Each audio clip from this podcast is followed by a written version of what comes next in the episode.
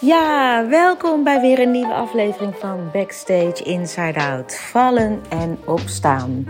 Nou, ik heb een snotterpodcast gehad. Ik heb de podcast met Junior gehad.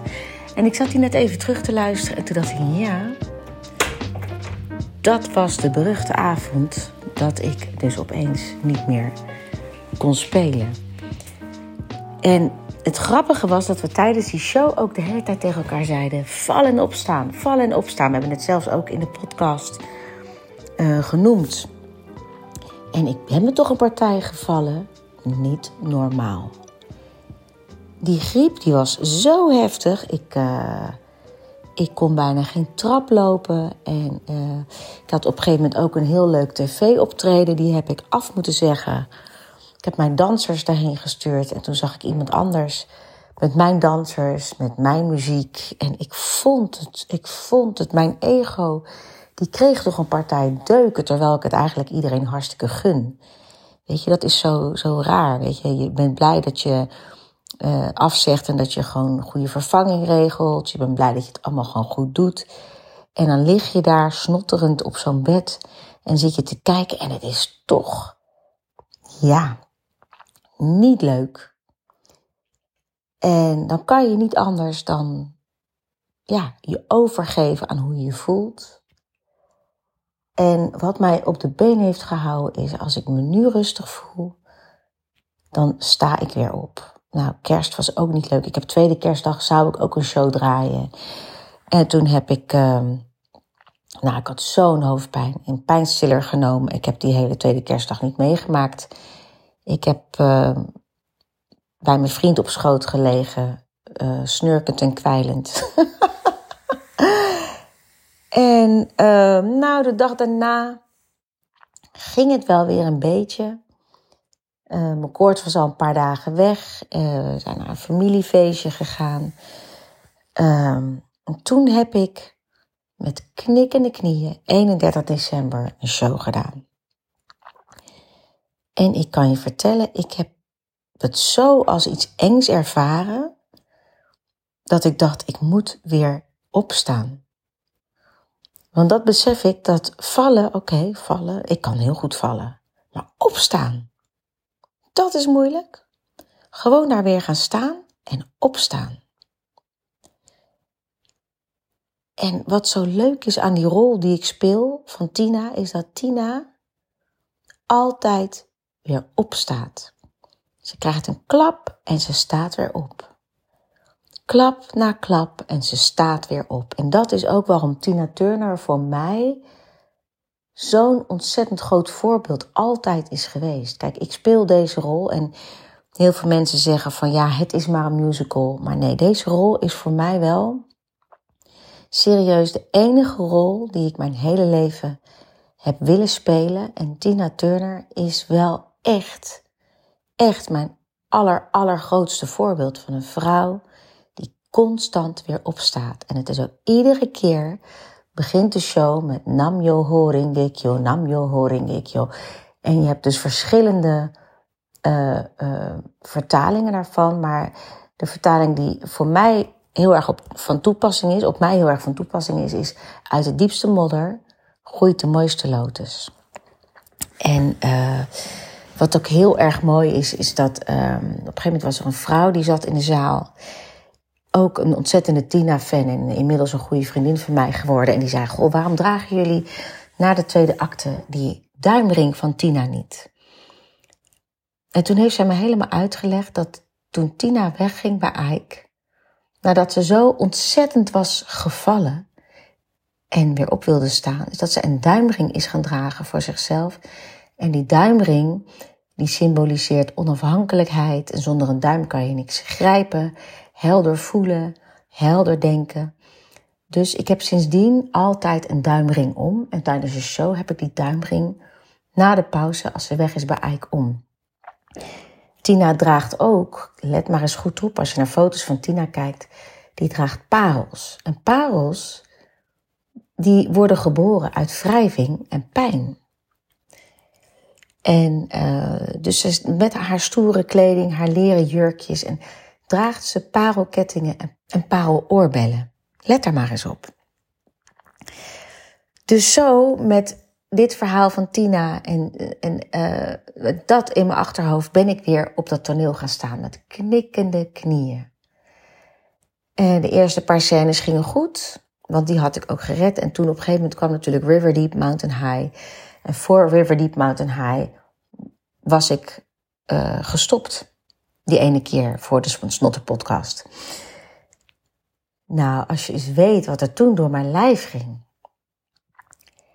En eigenlijk, diep in mijn hart, had ik op dat moment ook weer weg willen rennen. En had ik weer willen roepen: ik kan het niet, ik wil het niet. Weet je wat, ik doe het helemaal niet meer. Want ik kan dit niet meer. Kan dit niet meer. Ik ben te oud. Toch, ik zeg steeds dat ik dat niet moet zeggen, maar face the facts. Je kan dit niet meer. Dus ik ben daar gaan staan. Ik heb aan Tina gedacht. Ik heb aan die, ik heb me, ik heb, die ring had ik toen nog niet om, want dat is in de eerste acte. Maar er is ook een quote die ik heel erg mooi vind. De meester is vaker gevallen dan dat de leerling het ooit geprobeerd heeft. Dus ik denk, weet je, ik sta weer op. En zo heb ik de show gedaan. En het was een hele fijne show. Zo heb ik gelukkig 2022 af kunnen sluiten. Daarna ben ik met mijn, uh, uh, met mijn, klein, met mijn jongste dochter en mijn vriend en zijn dochters op vakantie gegaan, op skivakantie. En ook dat was weer zoiets dat ik dacht van dit ga ik doen. Want toen ik elf was, ben ik met een uh, met mensen van school mocht ik mee op skivakantie. En ik maak altijd een geintje van, joh, heb jij wel eens een Surinamer op de skipiste gezien? Nee, ja, weet je, mijn vader is Indonesisch, mijn moeder is Surinaams. Dat zit er bij ons niet in, skiën. Ik bedoel, dat, daar denken we niet eens over na. Dat, dat zit niet in ons systeem, skiën. Dat, is, uh, dat hoort niet bij ons. Dus ik heb dat nooit gedaan, dus ik ging toen ook met die mensen mee. En ja, blijkbaar had ik wel talent, want het ging hartstikke goed. Dus ze dachten, joh, we nemen die kleine mee naar boven. Nou, en daar had ik echt, jongen, de schrik van mijn leven. Want ja, volgens mij was het een rode piste. In mijn gevoel was het uh, zwart, zwart, zwart, zwart, zwart. Maar dat zal wel mee, dat zal wel niet zo geweest zijn, maar in mijn gevoel was dat zo. En ik, uh, ik heb gehuild bovenaan die piste. En zij waren al beneden. En toen is er een of andere Duitse skileraar of Oostenrijkse skileraar, die heeft me mee naar beneden genomen. En ik dacht nooit meer, nooit meer ga ik in deze hel. Nooit meer. Mocht, waren het niet dat ik dus nu een man ontmoet die ontzettend van snowboarden houdt. En niet een beetje, maar het is bij hem eigenlijk zo. Zijn leven is motorrijden en snowboarden. Motorrijden was ook zo'n ding waar ik ontzettend bang voor was, maar wel heel graag wilde. En skiën, nee, dat had ik eigenlijk al uh, opgegeven. Maar ik dacht wel, joh, als ik met hem leuke vakanties wil, wil en als ik, uh, weet je, laat, laat ik het nog een keertje proberen. Dus ik ben in Voorburg naar Ski Discovery gegaan. Ik heb me opgegeven op zo'n rolband, skiles genomen.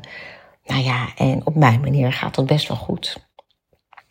En de vakantie ging ook best wel goed. En mijn dochter had ook nog nooit geskiet. Nou, dat ging ook best wel goed. En toen was er een moment dat we hoger gingen, want er was natuurlijk vreselijke sneeuw. Want sneeuw is helemaal niet goed nu.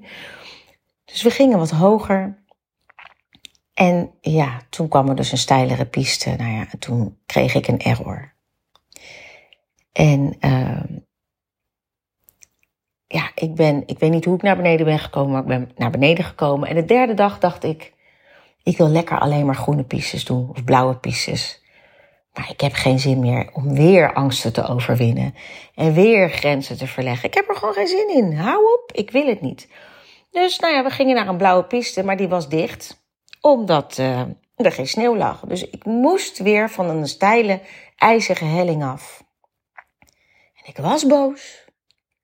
En ik wilde het niet. Ik heb mijn skis uitgedaan en ik ben op mijn kont naar beneden geskiet. Ik heb nog steeds een blauwe kont. Serieus.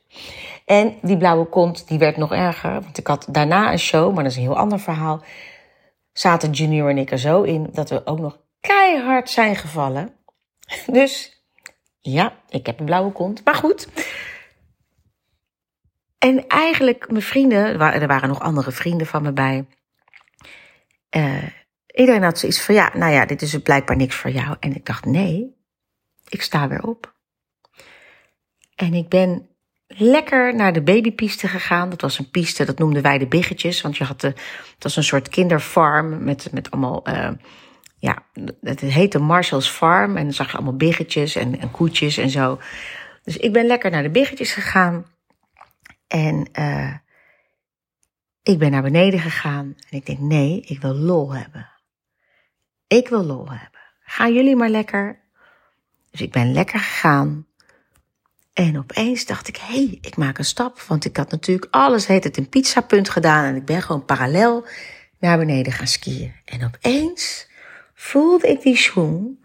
En opeens dacht ik, yes, dit is het. Vallen en opstaan. Niet bang zijn om weer op te staan, maar je comfortzone zoeken en van daaruit weer groeien. Nou, dit was zo fantastisch. Ik heb zo'n fantastische vakantie gehad. En ik was zo blij dat ik de 31ste die, dat jaar toch had afgesloten. En ja, mijn lijf deed pijn en alles deed pijn toen ik terugkwam van de vakantie. Maar ik kwam de zesde s'nachts terug en de zevende stond ik weer op het podium. Nou, ik ben een soort van rusty podium opgegaan. Ook die show ging goed. En toen gisteren heb ik een show gedaan en ik kan je vertellen, als je valt en weer opstaat, dan groeien. Dus ik wil je hierbij ook vertellen, wees niet bang om te vallen. En wees helemaal niet bang om weer op te staan. Want mijn jaar is zo fantastisch begonnen. Juist omdat ik weer opstond. En gisteren heb ik volgens mij een van de beste shows ever gedaan. Al ben ik gevallen. Boven op mijn kont. Plat boven op Junior. Uh, we zijn opgestaan. We zijn doorgegaan. Mijn stem die ging door het dak heen. Ik weet niet, ik weet niet waar dingen vandaan kwamen. Maar ik kan jullie echt vertellen. Wees niet bang om te vallen. En als je valt, sta weer op en denk dan aan wat ik jou vertel. Wat ik je nu heb verteld. En laat dat alsjeblieft een kracht zijn. En we gaan nu nog een maandje Tina doen. En uh, ik besef ook dat deze rol ook echt echt de rol van mijn leven is geweest. En niet omdat het zo'n grote rol was. En niet omdat het een kluif van een rol was. En omdat het ja, bijna ondoenlijk was. Maar omdat ik in mijn leven zoveel heb geleerd. Met COVID. Toen we gestopt waren. Toen ik geen cent verdiende. En toch ben gaan kijken. Ik ben, ik ben een nagelstudio. Ik ben een nagelcursus gaan doen. Ik ben mensen hun nagels gaan doen. Ik ben gaan macrameeën. Ik ben allerlei dingen gaan zoeken en niet bij de pakken neer gaan zitten.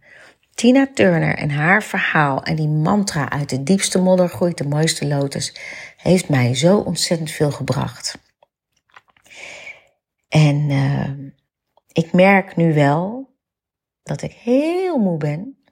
Heel moe. Want hoe je het ook bent of keert, het herstel gaat gewoon wat langzamer als je tegen de 50 loopt. Dus als ik een show heb gedaan, ja, dan ben ik toch wel kapot. En dat vind ik helemaal niet erg.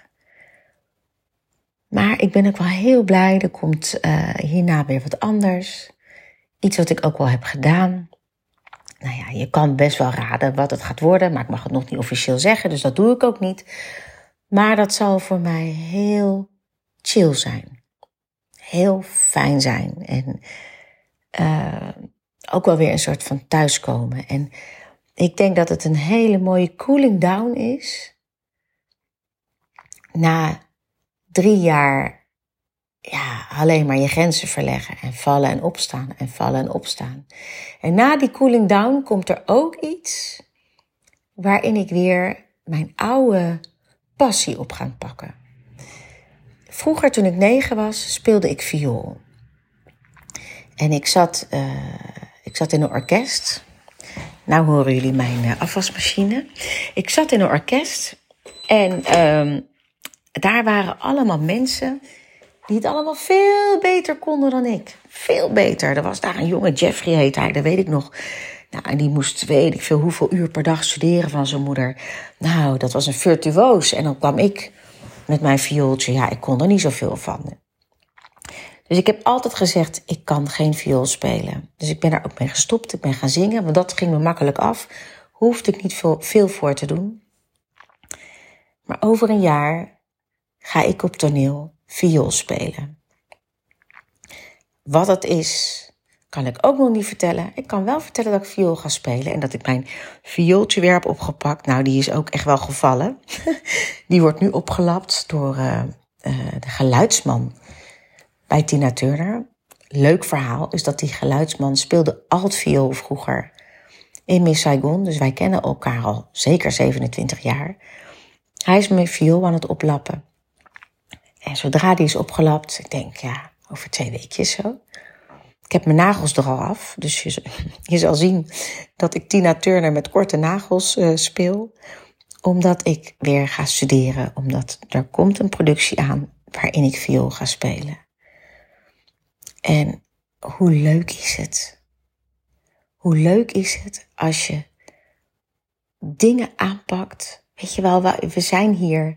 Ik zeg altijd tegen mijn kinderen: stel je voor dat je in de hemel komt en je komt erachter dat dit de hemel was en je hebt al die kansen niet gepakt. Dus ik zal ook met het viool spelen, vallen en opstaan, vallen en opstaan. Maar die groei die je ervaart als je weer opstaat, is onbeschrijfelijk. Dat is zo ontzettend leuk, zo ontzettend fijn. Uh, ook met deze podcast. Ik ben aan het zoeken, ik ben aan het doen. En uh, ik had allemaal afspraken om podcasts met mensen op te nemen, maar omdat ik ziek was en de kerstdagen kwamen erbij en uh, is het er allemaal niet van gekomen. Maar mijn voornemen voor het nieuwe jaar is consistent zijn, mijn academy opzetten, doorgaan met mijn podcast en vallen en opstaan. Nou, ik hoop dat ik jullie hiermee inspireer.